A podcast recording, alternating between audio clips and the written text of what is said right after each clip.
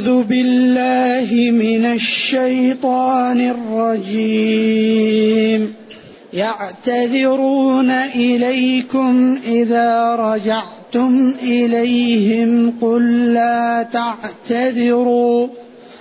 قل لا تعتذروا لن نؤمن لكم. قد نبأنا الله من أخباركم.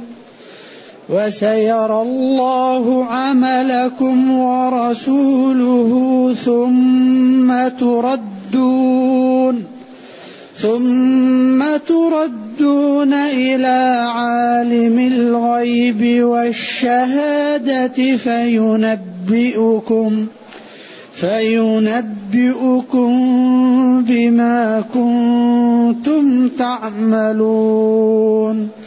سيحلفون بالله لكم إذا انقلبتم إليهم لتعرضوا عنهم فأعرضوا عنهم إنهم رجس ومأواهم جهنم جزاء بما كانوا يكسبون يحلفون لكم لترضوا عنهم فإن ترضوا عنهم فإن الله لا يرضى عن القوم الفاسقين. الحمد لله الذي أنزل إلينا أشمل كتاب وأرسل إلينا أفضل الرسل وجعلنا خير أمة أخرجت للناس. وله الحمد وله الشكر على هذه النعم العظيمة والآلاء الجسيمة. والصلاة والسلام على خير خلق الله وعلى آله وأصحابه ومن اهتدى بهداه. ما بعد فإن الله تعالى يبين صفات المتقين وصفات المجرمين وأصناف المتقين وأصناف المجرمين ويتكرر هذا. يتكرر يتكرر حتى يرسخ الحق في النفوس. ويفهم الباطل لينفر منه ويترك. يتكرر كم مرة أول قال؟ لا يستأذنك الذين يؤمنون بالله واليوم الآخر. ولو أرادوا الخروج لأعدوا له عدة. لو كان عرضا قريبا وسفرا قاصدا لاتبعوك. كل هذا عيب لهذه الشريحة. بعدين يمدح الطيبين. يؤمن بالله ويؤمن للمؤمنين ورحمة للذين آمنوا منكم. المؤمنون والمؤمنات بعضهم أولياء بعض. لا يستأذنك الذين يؤمنون بالله واليوم الآخر. هكذا يتكرر يتكرر حتى تنجلي الأمور وتتضح المعالم فكل واحد يقدم على بصيرة. لأن الله تعالى يعني كفل لخلقه أنه لا يعذب أحدا إلا بعد البيان. فلذلك حتى يهلك من هلك عن بينة ويحيى من حي عن بينه ما في. لذلك هذا الدين جاب معالم ووضح الطرق والسبل توضيح عجيب. فلما رفع الحرج عن أهل العذر وأهل الضعف وأهل المرض وأهل الزمانة وأهل الفقر وقال إنهم لا حرج عليهم وبين أن هؤلاء من عمل من المسلمين بنشاط وجد وغنى هؤلاء يستوون معه لأنهم ما تركهم إلا العجز سواء كان عجز معنوي أو حسي كأن جاء باب طيب والذين لا عذر لهم. قال إنما السبيل على الذين يستأذنونك وهم أغنياء. بين أن هؤلاء ما عليهم حرج ليس على الضعفاء ولا على المرضى ولا على الذين لا يجدون ما ينفقون حرج إذا نصحوا لله ورسوله. وليس على الذين إذا ما أتوك لتحملهم قلت يا نبي لا أجد ما أحملكم عليه. تولوا وقلوبهم متألمة لعجزهم عن أن يمشوا ولعدم قدرتك على أن تعطيهم حملا. يعني ما يركبون عليه. إنما يعني الحرج والإثم والعقوبة والسبيل على عقوبتهم على الذين يطلبون الإذن والحال أنهم أغنياء. لا عذر لهم. رضوا بأن يكونوا مع الخوارج مع النساء ومن في عدادهم وطبع الله على قلوبهم. هذه الكارثة. وطبع الله على قلوبهم فهم؟ فهم لا يعلمون. لا يعلمون خطورة التخلف عن الجهاد. لا يعلمون خطورة الجلوس عن النبي صلى الله عليه وسلم وهو يمشي في حر ومشاقة ويختارون الظل والراحة. وقد خوفهم ونبههم بقوله قل نار جهنم. أشد حرا لو كانوا يفقهون. بعدين قال يعتذرون إليكم. يعتذرون. هؤلاء المتخلفون يأتون بالكلام وبالأساليب التي بها يحاولون يزول يزيلون معرة تخلفهم عن رسول الله صلى الله عليه وسلم وعن المسلمين. إذا رجعتم إليهم من الغزاء من الغزوة. إذا هذا إخبار وبيان بشيء سيحصل. إذا رجعتم إليهم من, من تبوك يقولون نحن كنا في كذا وكذا ولم نستطع وخفنا على بيوتنا. قل لا تعتذروا. العذر غير مقبول. لن نصدقكم. لأن الله تعالى أنزل أسراركم وخبره يقين لا كذب فيه. فأنتم حتما كاذبون وغير صادقين والعذر مرفوض وغير مقبول. إذا يعتذر هؤلاء إليكم. يعني يمكن أن تكون يعني بدل مما قبلها. يعتذرون إليكم إذا رجعتم إليهم. قل لا تعتذروا. يعني لا تأتوا بالأعذار. قد حرف تحقيق. نبأنا الله أخبرنا الله بأخباركم بحقائقكم وبسرائركم التي لا يعلمها إلا الله. فالقضية ما هي قضية ادعاء قضية أمر حقيقي أخبر بها الله. والله لا ينطق عن الهوى وقوله الحق. ولكن الباب مفتوح. والقضية لا زالت في محل تدارك. سيرى الله عملكم ورسوله والمؤمنون. فإن أردتم أن تتوبوا وتقلعوا وترجعوا إلى الدين الصحيح وتتركوا النفاق والكفر فالقضية لا زالت بأيديكم. والله تعالى يرى توبتكم ونبيه يخبره بذلك والمؤمنون يشهدون عليكم بذلك. فما فات أنتم لا عذر لكم فيه. والمستقبل يعني أنتم الله أعطاكم عينين ولسان وشفتين وهديناكم الطريقين فإن تبتم وظهرت توبتكم فالله يرى ذلك ويكتب لكم الحسنة. ففتح لهم الباب. لا تعتذروا. الله أخبرنا بحقائقكم وسيرى الله عملكم ورسوله والمؤمنون. وسيرى الله عملكم ورسوله. يعني سيرى الله عملكم ورسوله إن تبتم وأصلحتم أعمالكم. بعدين قال وستردون إلى عالم الغيب والشهادة فينبئكم بما كنتم تعملون. وهذا هو الذي ينبغي أن يخاف منه وأن يتوب الإنسان. وأن يقلع عن السيئات وأن يجد في الخير لأن الرد إلى الله يوم القيامة هو الذي سيكون فيه النتائج ثمرة العمل.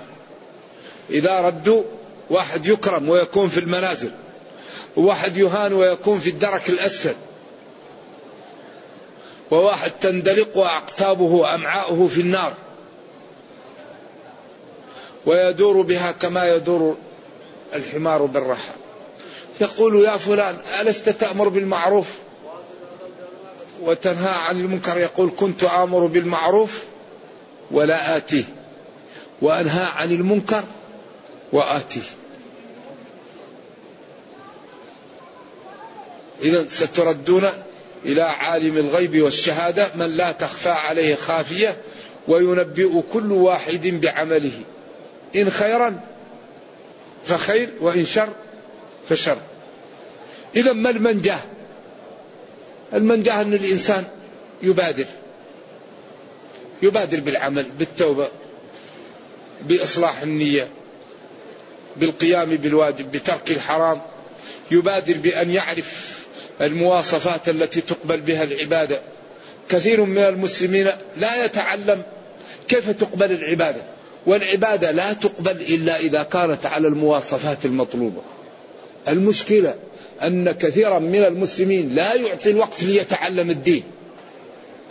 وهذه العبادات مطالب بها أن يؤتى بها على أشكال معينة. الصلاة لها شروط لها أركان لها واجبات لها سنن لها أنداب. الماء الذي يتوضأ به له مواصفات. الصوم الذي أوجبه الله له شروط له أركان. الحج له شروط له أركان. المال الذي يتصدق به له صفات. المال الذي ينفق به له صفات. إذا العبادات لا تقبل إلا إذا كانت على المواصفات التي طالب الله بها وشرعها. فإذا كان العبد لا يعطي الوقت ليعلم هذه العبادات كيف تقبل تطلع أغلبها ناقص أو مرفوض. إذا لا بد أن نعطي الوقت لديننا. المشكلة أن كل واحد ما هو مستعد ليعطي وقت للدين. طيب كيف يعرف الدين ما أعطاه وقت؟ لا بد أن يتعلم لا بد أن يعمل لا بد أن يبذل للدين. بعدين الله يرفعه بالدين ويرفع الدين به. أما إذا كان الإنسان لا يستمع لأن أول النفع الاستماع. فبشر عبادي الذين يستمعون. يستمعون ما القول المحاضرة الخطبة النصيحة الدرس. بعدين فيتبعون أحسنه. إذا كان واحد ما هو مستعد للسماع كل ما سمع المدرس أو الخطيب أو الواعظ يبدأ بالكلمة يمشي. طيب من أين تأتيه الهداية والوحي انقطع؟ ونبينا قال لا نبي بعدي وهو ما عنده استعداد ليسمع والوحي انقطع. من أين تأتيه الهداية؟ إذا لا بد من بذل الوقت. أول شيء واحد يذهب للشيوخ. يدرس إذا أشكل له شيء في دينه وكان لا يستطيع أن يقرأ يذهب إلى العلماء ويقول لهم ما حكم كذا وكذا. أريد أن نحج نصحب من يعرف الحج. كثير من المسلمين يذهب إلى الحج ويكون حج فاسد. يطوف على غير وضوء. لا يقف في عرفة. يقف في عرفة في غير الوقت المحدد. لا يرمي الجمار لا يبيت بمنن لا يسعى. طيب من أين يكون لا يحرم من الميقات. طيب أنت تبذل مالك وتبذل وقتك وبعدين تروح ويكون حجك فاسد. أليس هذا أليس هذا خوارا الذي يريد أن يحج أول ما يعمل يتعلم الحج أو يصحب عالم. ليعلمه حتى يسلم له حجه ويجد الأجر فيه. كثير من المسلمين إذا جاء وقت الزكاة يجمع البضائع اللي عنده التي لا تباع ويقومها على الفقير بأعلى قيمة ويظن دفع الزكاة. لا. أجعل الفقير مثل نفسك. أعطيه مثل ما تريد أن يعطى لك. ولا تيمموا الخبيث منه. تنفقون. ولستم بآخذيه. إلا أن تغمضوا فيه. إلا أن الواحد يتنزل من نفسه ويجد في نفسه مضاضة. لذلك وكل ما تحب أن تعامل به به. كل العباد عاملا وأن تأتي للناس ما تحب أن يؤتى إليك. إذا الله قال وسيرى الله عملكم ورسوله. لا تعتذروا وإنما أنتم إذا تبتم وأصلحتم عملكم الله يراه ويكتب لكم عملكم. وإذا فسدتم ونافقتم الله يراه ويكتبه لكم. إذا المنجاة في ماذا؟ في ماذا؟ إخلاص صدق. قل آمنت بالله ثم استقم الاستقامة لا يمكن تكون إذا لم تتعلم. من الاستقامة التعلم. المسلمون قالوا من يعيش بين المسلمين لا يسامح في في جهل فروض العين. الذي يعيش بين ظهراني المسلمين لا يسامح في أن يجهل فروض العين.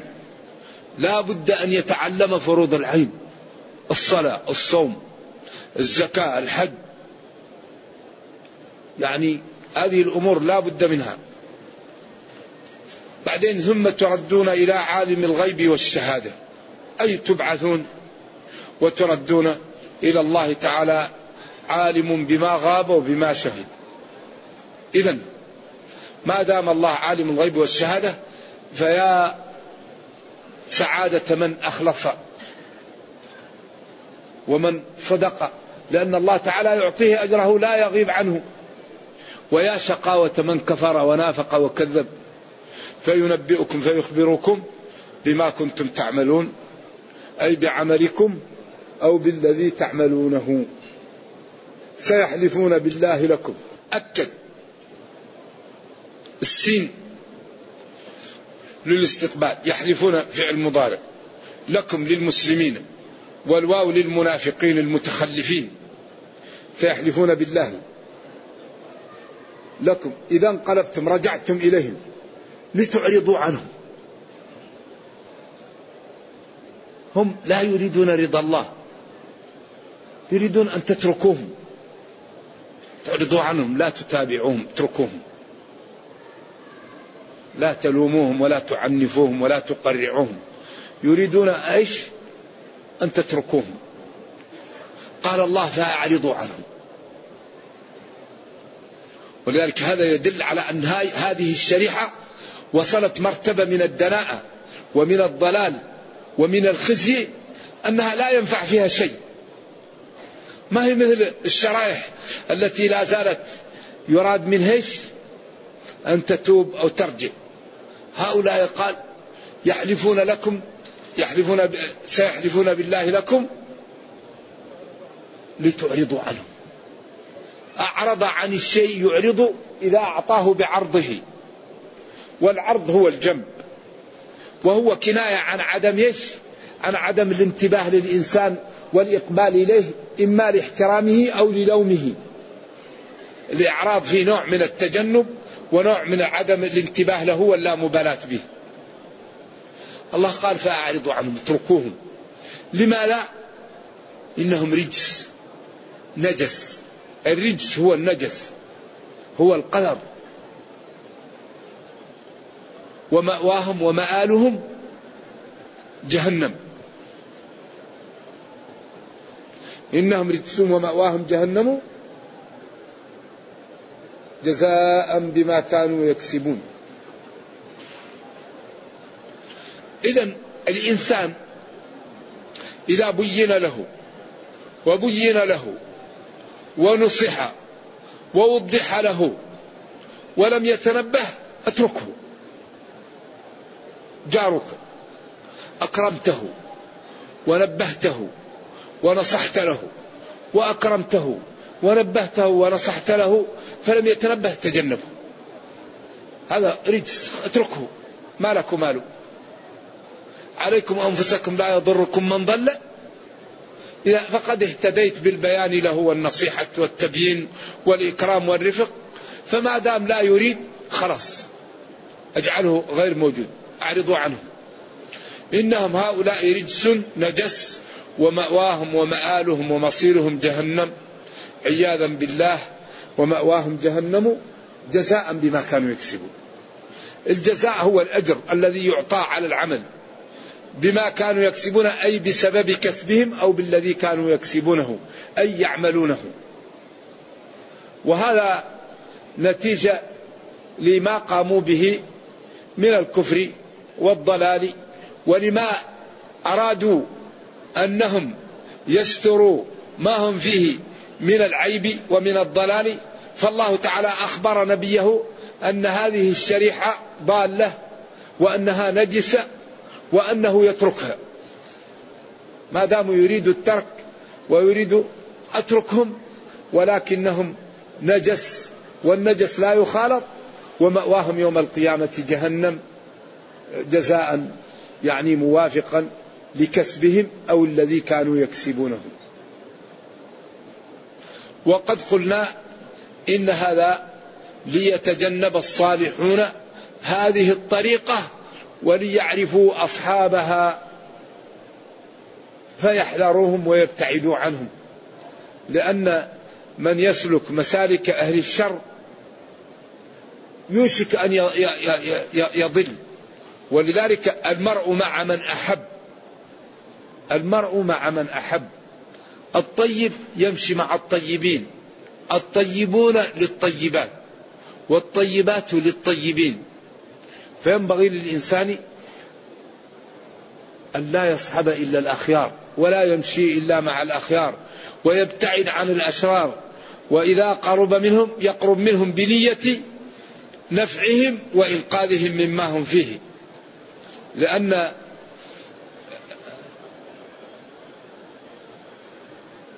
الطباع تسرق الطباع ولذلك نهى عن السكناء بدار الكفر إذا لم تكن هناك ضرورة. وقال لا تتراءى نارهما والشاعر قال عن المرء لا تسأل وسل عن قرينه. إن القرين بالمقارن يقتدي. وقال ولأن يعادي عاقلا. خير له من أن يكون له صديق أحمق. فاربأ بنفسك أن تصادق أحمقا. إن الصديق على الصديق مصدق. وقال الشاعر إذا الحمار والحوار سيقا علمه الشهيق والنهيق. أيوه. فلذلك يعني الإنسان يبتعد عن موارد الضلال. وإذا رأيت الذين يخوضون في آياتنا فأعرض عنهم حتى يخوضوا في حديث غيره وإما ينسينك الشيطان فلا تقعد بعد الذكرى مع القوم الظالمين. ذلك ينبغي للمتقي أن يبتعد عن الأشرار وعن الجلوس معهم وعن صحبتهم وأن يبحث عن الأخيار وعن المتقين وعن الأهل الفضل ليصحبهم وينتفع بهم. ولذلك ربنا قال كونوا مع الصادقين. كونوا نبحث عن الصادقين ونكون معهم. حتى يقوونا وقال سنشد عضدك بأخيك. وقال لشعيب ولولا رهطك لرجمناك وما أنت علينا بعزيز.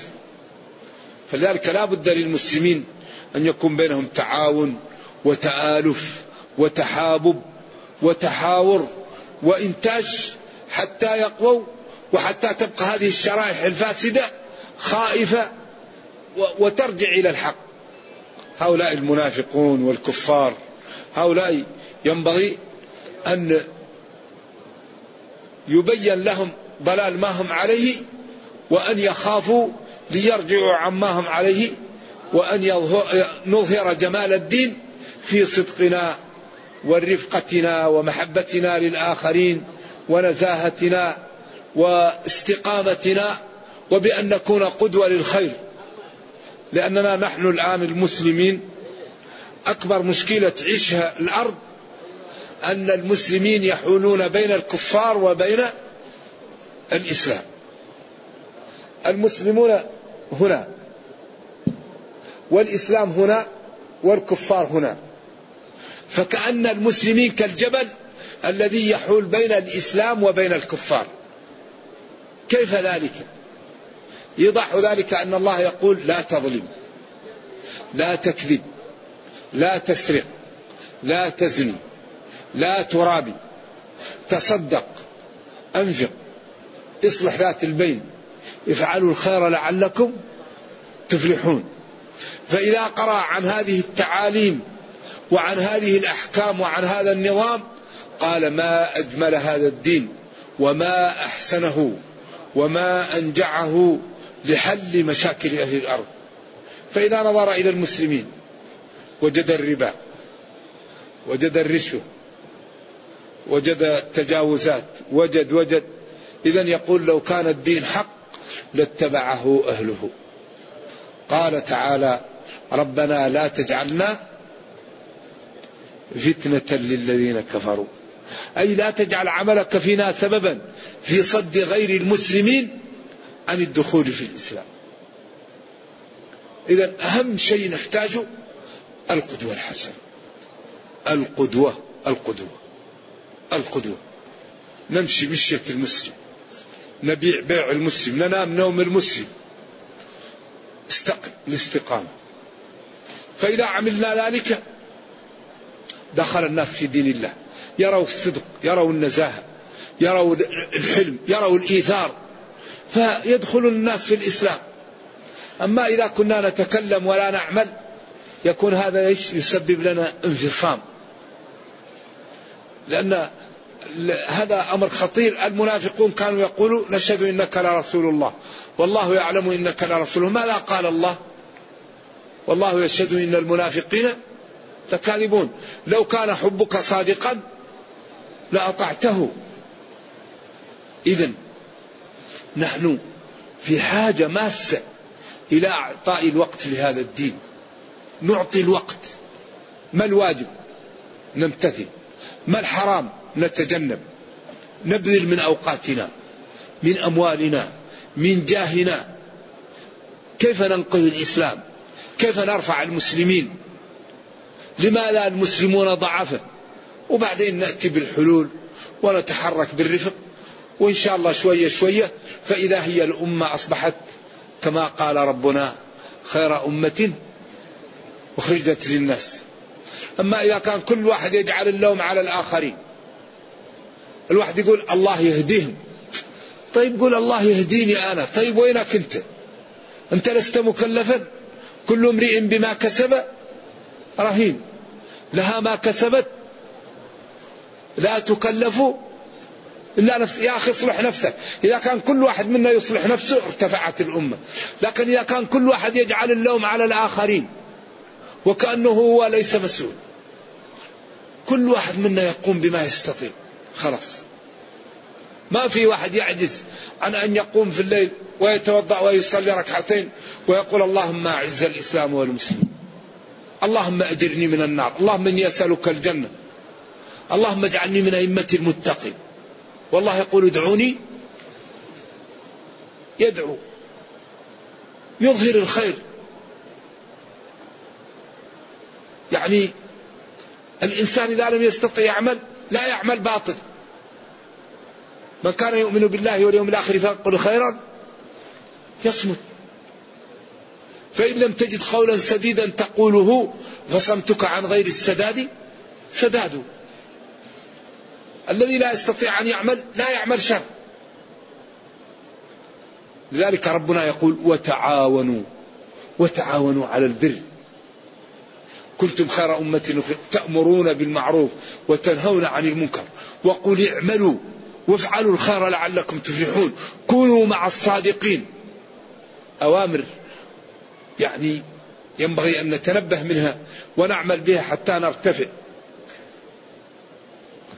يقول جل وعلا يحلفون لكم لترضوا عنهم. هؤلاء المنافقون يحلفون لكم. الحلف هو اليمين واليمين لا تصح إلا بالله أو بصفاته. وقلنا إن الأيمان أربعة اثنان يكفران واثنان لا يكفران. والله لا أفعلن والله لا أفعلن هذان يكفران. والله ما فعلت والله لقد فعلت هذان لا يكفران عند الجمهور. لأنه إن كان مخطئا لا, لا كفارة عليه وإن كان متعمدا فهو يمين غموس وأمر الله بحفظ الأيمان. فاحفظوا أيمانكم. ونهى أن نجعل الأيمان في طريقنا عن فعل الخير. ولا تجعلوا الله عرضة لأيمانكم أن تبروا كراهة أن تبروا أو لألا تبروا كثير من المسلمين تأتيه لتريد منه شهادة لا يعلمها إلا هو. يقول لك أنا حالف ما أشهد. كيف تحلف ما تشهد يا أخي؟ كفر عن يمينك وأتي الذي هو خير. ولذلك من حلف على يمين ورأى غيرها خيرا منها فليكفر عن يمينه وليأتي الذي هو خير. أبو بكر لما قال والله لا لا لا أنفق على مصطح قال الله على أصح التفاسير ولا يأتلي أولو الفضل منكم والسعة أن يؤتوا أولي القربى والمساكين والمهاجرين في سبيل الله وليعفوا وليصفحوا. ألا تحبون أن يغفر الله لكم؟ قال أحب ربي أن يغفر لي. وأعاد النفقة. فلا نجعل أيماننا عرضة ويجب أن نحفظ أيماننا. من حفل على يمين فليكفر عنها. ولا يبر بيمين فيها فيها إثم. لا ينبغي هذا. ولذلك آه، اليمين بالله عبادة ولا ينعقد إلا بالله وبصفاته. وهو باب من أبواب الفقه موجود في آيات الأحكام وحادث الأحكام وفي كتب الفقه. والفقه المقارن ينبغي للإنسان الذي يحلف أن يعرف ما لا يجب عليه في يمينه ويجب أن يبر في يمينه فإن كان اليمين في قطيعة رحم أو عدم خير فليكفر عن اليمين وليأتي الذي خير. والكفارة واحد من ثلاثة فإن عجز عنها فصيام ثلاثة أيام. كفارة آه، إطعام عشرة مساكين من أوسط ما تطعمون. أهليكم أو كسوتهم أو تحرير رقبة مخير في الثلاثة. فإن لم يستطع أو لم يجد فصيام ثلاثة أيام. ذلك كفارة أيمانكم. واحفظوا أيمانكم. إذا حلفتم لا بد من الكفارة أو التنفيذ. مثل هذا يبين الله لكم آياتكم. لعل ذلك يكون سبب في سعادتكم ونجاتكم من عذاب ربكم. يقول هنا يحلفون لكم المنافقون. المخلفون لترضوا عنهم. ليزول ما في قلوبكم عليهم من الغضب والألم. فإن ترضوا عنهم. فإن الله لا يرضى عنهم لأنهم فاسقون والله لا يرضى عن القوم الفاسقين. أيوة. فالقضية إن رضيتم عنهم فالله تعالى لا يرضى عنهم. لأنهم فسقوا وخرجوا عن طاعة الله وتخلفوا من غير عذر وحالفوا بالكذب. لترضوا عنهم والله لا مطلع على أمورهم فالله لا يرضى عن القوم الفاسقين. إذا الحل في ماذا؟ هذا بين لنا ما الحل؟ الحل في ماذا؟ نسدد ونقارب ونعمل في بما استطعنا. والله يسامحنا فيما لم نستطع. نسدد ونقارب. إن المنبتة لا أرضا قطع ولا ظهرا أبقى. الرفق الصلاة بالرفق الصوم بالرفق التعامل بالرفق الكلام بالرفق. الله لا تخفى عليه خافية أربعوا على أنفسكم فإنكم لا تدعون صلوا فالواحد من إذا الإنقاذ في العمل ولكن العمل الجاد. عمل جاد. جاد. مليء بالإخلاص ومليء بالتفاؤل ومليء بمحبة الخير للمسلمين ومليء بمحبة رفعة الإسلام والمسلمين. فإذا عملنا هذا الله تعالى أصلح لنا دنيانا وأخرانا ودمر أعداءنا وأعطانا ما نريد وبارك لنا في أعمارنا وأموالنا وفي أولادنا وجعلنا من المتقين. وحمانا في الدنيا وكنا يوم أن نموت كالغائب قدم على أهله. جمال المتقي أنه إذا مات كالغائب قدم على أهله. الواحد سفر سنين على أهله وأحبته وبيته فإذا رجع ما السرور الذي يصل إليهم وإليه؟ فكذلك المتقي إذا وضع في القبر يفرح كما يفرح القادم المسافر قدم على أهله. والمجرم والعاصي إذا وضع في القبر كالمجرم أخذته السلطة. واحد مجرم عمل جرامات كبيرة وكان يبحث عنه وأخذ. كيف من الحزن والألم الذي يحصل له. فلذلك نبادر نبادر بالتوبة وبالعمل الصالح. وربنا كريم وما عجزنا عنه يغفره لنا ربنا. الذي نعجز عنه يغفره ربنا. والذي أخطأنا فيه وتبنا الله إيش؟ يتوب علينا. فلنجتهد ولنعمل وما أردناه يعطيه لنا ربنا. صفقة.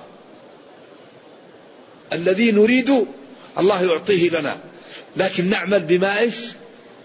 بما شرع لنا. أوفوا بعهدي أوفي بعهدكم. إن الله لا يخلف الميعاد. اذا فلنجتهد في طاعة الله. وفي العمل بمرضاة الله. ولنحب دين الله ونحب خلق الله ولنرفق بهم. فلنكرم الطيب لأنه طيب ولنكرم البطال لإزالة البطاله عنه. فطالما استعبد الإنسان إحسانه. فكل الناس نكرمها الطيب نكرمه لأنه طيب والبطال نكرمه لإزالة البطالة عنه. ونرفق نرجو الله جل وعلا أن يرينا الحق حقا. ويرزقنا اتباعه وأن يرينا الباطل باطلا ويرزقنا اجتنابه وأن لا يجعل الأمر ملتبسا علينا فنضل. سبحان ربك رب العزة عما يصفون وسلام على المرسلين والحمد لله رب العالمين والسلام عليكم ورحمة الله وبركاته. يقول السلام عليكم. آه هل وضوء النافلة ووضوء لمس المصحف يجزئ لصلاة الفريضة؟ نعم. الوضوء إذا كان لرفع الحدث يجزئ في كل شيء. لكن الوضوء إذا كان لغير رفع الحدث أو الغسل لا لا يصلى به. واحد اغتسل للجمعة ولم ينوي الجنابة وهو عليه الجنابة لا تجزئه. لكن واحد اغتسل عن الجنابة ونوى الجمعة تجزئه عنهما. أما إذا نوى الجمعة ولم ينوي رفع الجنابة هذا مشكل. لأن الأعمال بالنيات. نعم. ولذلك ينبغي أن نحضر النيات في العبادة. كثير من الناس يدخل في الصلاة من غير نية. لا بد الإنسان إذا أراد أن يدخل في الصلاة يحضر النية. النية فائدتها عبادة. هذه العبادة ما هي؟ هل هي واجب؟ هل هي سنة؟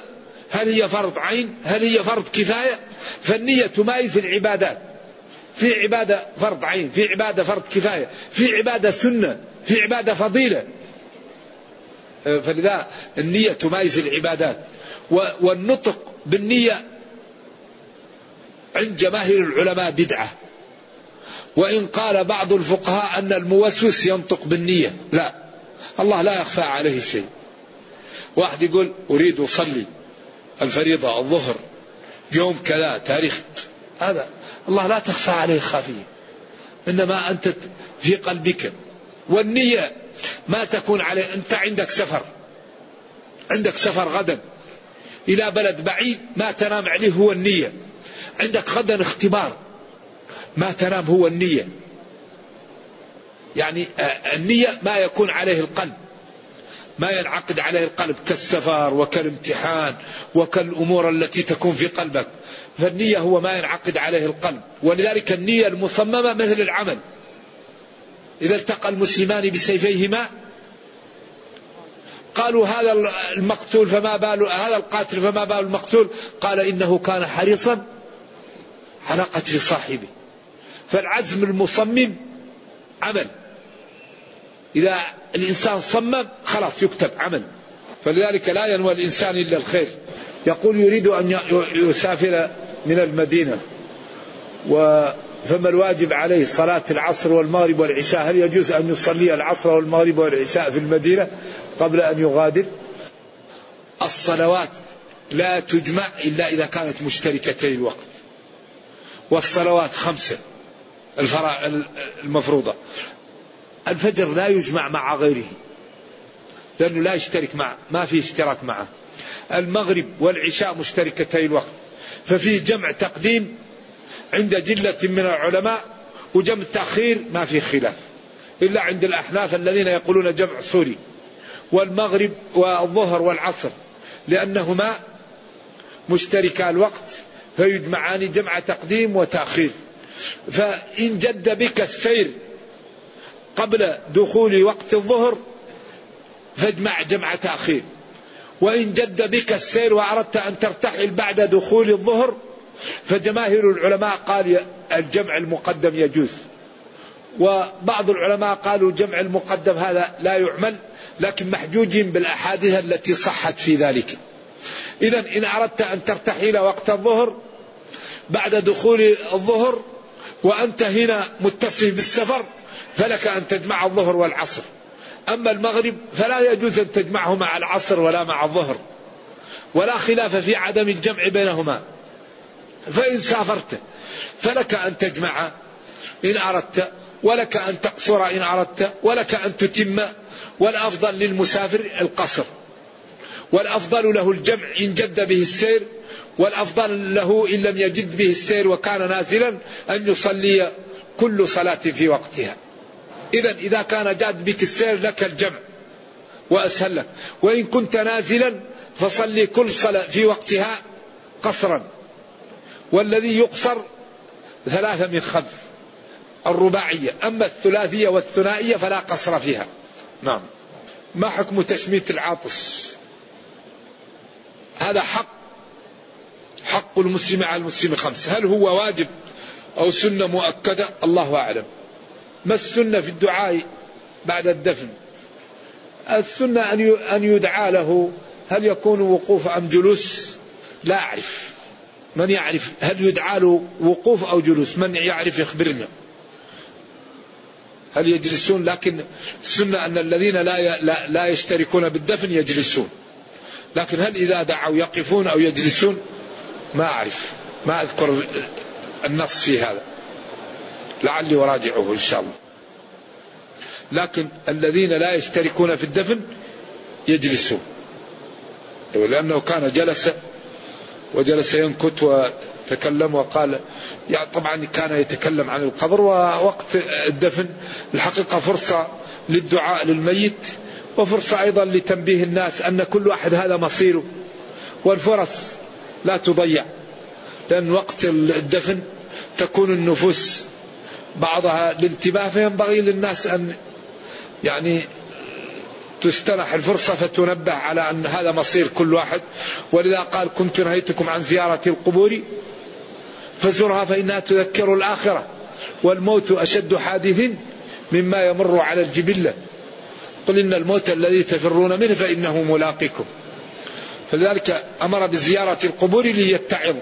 وليدعوا لأصحابها السلام عليكم أهل الديار من المؤمنين أما الذي يأتي للقبور ليريد منهم الحاجات فهذا مشكل لأن أهل القبور يزار لغرضين الدعاء لهم والتعاظ ما قال لتدعوا لتدعوا عندهم أو لتطلبوا منهم الحوائج. قال السلام عليكم أهل الديار من المؤمنين يغفر الله لنا ولكم وقال فإنها تذكر الآخرة. ما معنى المنبت لا أرضا قطع ولا ظهرا أبقى. المنبت المسرع. الواحد يأخذ الراحلة ويسرع بها جدا جدا يضربها ويخليها تجري. فإذا قطعت شيء قليل الراحلة تعبت. فلا ظهرا أبقى لأن الظهر يبقى البعير يتعب. ولا أرضا قطع فالمنبت فيه مشكلة. إذا الإنسان لا يكون مثل المنبت يسرع ويعمل أشياء لا يستطيع يحاول يصلي في الليل ألف ركعة. ويكون كل يوم يصوم يكره الصوم ويكره الصلاة وبعدين ينقطع. لكن أحب الأعمال إلى الله أدومها وإن قل. إن لنفسك عليك حق ولأهلك عليك حق ولزورك عليك حق فأعط كل ذي حق حقه. وعبد الله بن عمرو بن العاص قال والله لا أنام الليل ولا أفطر النهار. قال أنت الذي قلت قال لا تفعل. أفعل وأعلم. ولما كبرت سنه قال ليتني قبلت رخصة رسول الله صلى الله عليه وسلم. قال له إني أطلق أكثر من ذلك أكثر من ذلك. صم من الشهر ثلاثة أيام. وافعل كذا قالوا أطلق أكثر من ذلك. قال ليتني قبلت رخصة رسول الله صلى الله عليه وسلم. فكان ما يريد أن يترك عملا. فارقه رسول الله صلى الله عليه وسلم عليه فكان يجد التعب في ذلك. فلذلك هذا الدين دين يسر. فلذلك نقوم بالأعمال ما نطيق ونحاول أن نداوم على أعمال الخير ونترك المعاصي. المعاصي هي المشكلة الذنوب هي المشكلة الذنوب تميت القلوب وقد يورث الذل إدمانها. كل مشكلة سببها الذنوب. فلنحذر من الذنوب كما نحذر من الأمراض الخطيرة.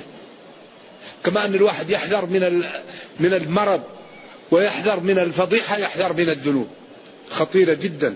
يقول هل يجوز قطع صلاة النافلة للرد على الوالدين أثناء الاتصال على الجوال؟ نعم إذا كان الوالدان يغضبان رد عليهم. وإذا كان لا يغضبان أو ترضيهم استمر في صلاتك لأن الصلاة لا تقطع إلا لضرورة. ولذلك صلاة النافلة عند الجمهور ما هي لازمة ورد على الوالدين لازم. لكن بعض العلماء يقول إذا دخلت في الصلاة يجب أن تتمم صلاتنا وصومنا وحجنا. ولكن هذا في قول في قول أنه لا, لا, لا لازم. تسدد وتقارب. إذا استطعت أن تكمل الصلاة وتعتذر للوالدة تقول لها أنا كنت في صلاة. وإن خفت من غضبها أو تحققت غضبها ترد عليها وتكمل الصلاة. نعم. وصلاة النافلة أمرها سهل قد الإنسان حتى يرد فيها.